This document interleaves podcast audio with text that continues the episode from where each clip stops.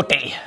I denne uge skal vi berøre... Ej, må man overhovedet snakke om sådan noget på de her platforme? Altså, altså du er med på, at i det sekund, jeg bruger ordet filosofi, så swiper de videre. Alt sammen. Altså, kan vi, kan vi ikke kalde det noget andet? Altså, kan vi ikke kalde det sådan krig i hjernen, eller sådan wowhedsproblemer, eller andet, der får folk til at blive hængende sådan tankeporno. I sidste uge gik folk så meget amok for imod onkel Rej, at de har været nødt til at fucking åbne 80 nye kårminer i Centralafrika for at kunne udvide internetkablerne, så er der plads til alt det lort, folk har testet.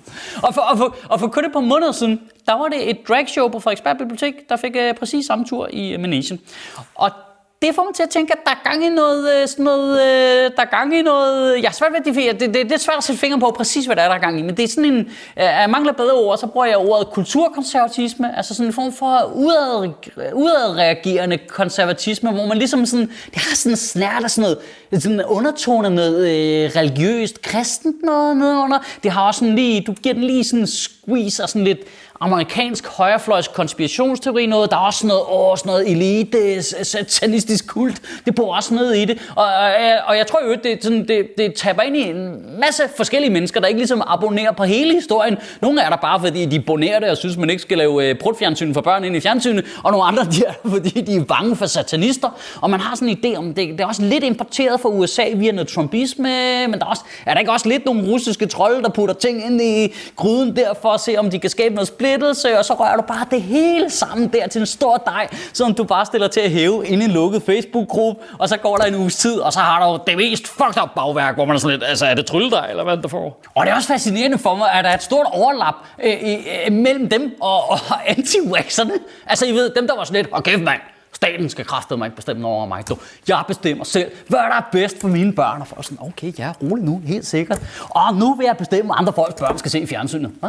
Det er så spændende et filosofisk standpunkt for mig, det der, hvor man vil pådute andre sin egen holdning. Altså, for det er jo nok den største forskel på sådan kulturkonservatismen og sådan det liberale frisind. Fordi, altså, jeg som kulturelt frisindet er jo ligeglad med, om du er konservativ jo. Det, det må du selv om jo. Hvis dine børn ikke skal øh, whatever, have lov at spise sukker og se onkel Rej, så gør det, hvis du tager med i måske og kirke og sådan noget. Altså, jeg synes, det er åndssvagt. Jeg vil ikke selv gøre det, men you do you. Men det kulturelt konservative synspunkt er jo, at det ikke er okay, at mine børn får lov til at se onkel Rej, for eksempel. Altså, det er jo ligesom, det, det, jeg skal ikke selv have lov til at bestemme, om mine børn skal have lov til juridisk at kunne skifte køn, eller tage dem med til et dragshow. Det er, ej, og fylder de homoseksuelle ikke også lidt meget, og hvorfor skal vi snakke så meget om menstruation hele tiden? Jamen, jamen jeg, jeg, jeg er jo bare mig. Jeg gør jo bare mig jo. Det, det må jeg vel godt. Nej, nej. Kan, kan, kan, kan du, holde, kan du holde op med at være dig? Det er faktisk, nej, det går ikke. Det er problematisk, fordi det provokerer mig, at du findes. Og det er ikke engang mig, der bare tolker helt frit her. Det, der var nogle af de her typer, der havde politianmeldt øh, Danmarks Radio og Onkel Rej for at ville normalisere afvigende adfærd. Det var formuleringen. Altså normalisere afvigende, afvigende adfærd.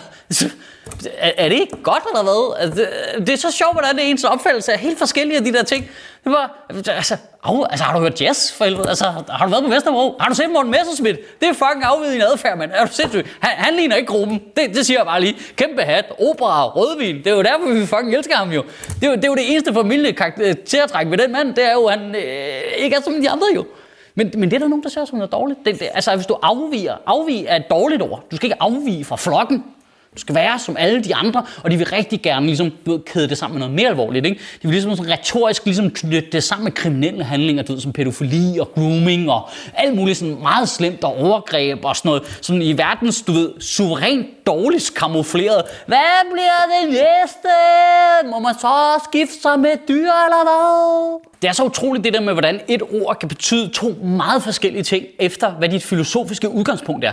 Der er sådan et gammelt klip, fra en dokumentar om Pia Kærsgaard, som jeg, jeg tror, jeg tænker på det en gang om ugen eller sådan noget. Det er et underligt klip. Hun kører i en bil øh, her på Nørrebro, hvor jeg bor, øh, og så kigger hun forarvet ud af vinduet på Nørrebro-borgerne. Og så siger hun, Åh, det er jo en, det er jo en smeltedele. Og jeg var sådan lidt, ja, det var, det var præcis det ord, jeg ville bruge. Det er præcis, er det ikke dejligt? Prøv at se alle de her forskellige mennesker, der bare går der og smelter helt sammen og har det mega hyggeligt, og solen skinner og sådan noget. Men det var ikke det, hun mente. Hun mente, nej, nej, nej, nej. Så smelter de jo sammen, og så bliver de til nogen, der ikke ligner mig. Nej, for helvede. Kan de ikke alle sammen ligne mig? Eller også så siger vi til dem, at de ikke må være. Det er en af de to muligheder. Nej, men Michael, du tager alle for let på det her.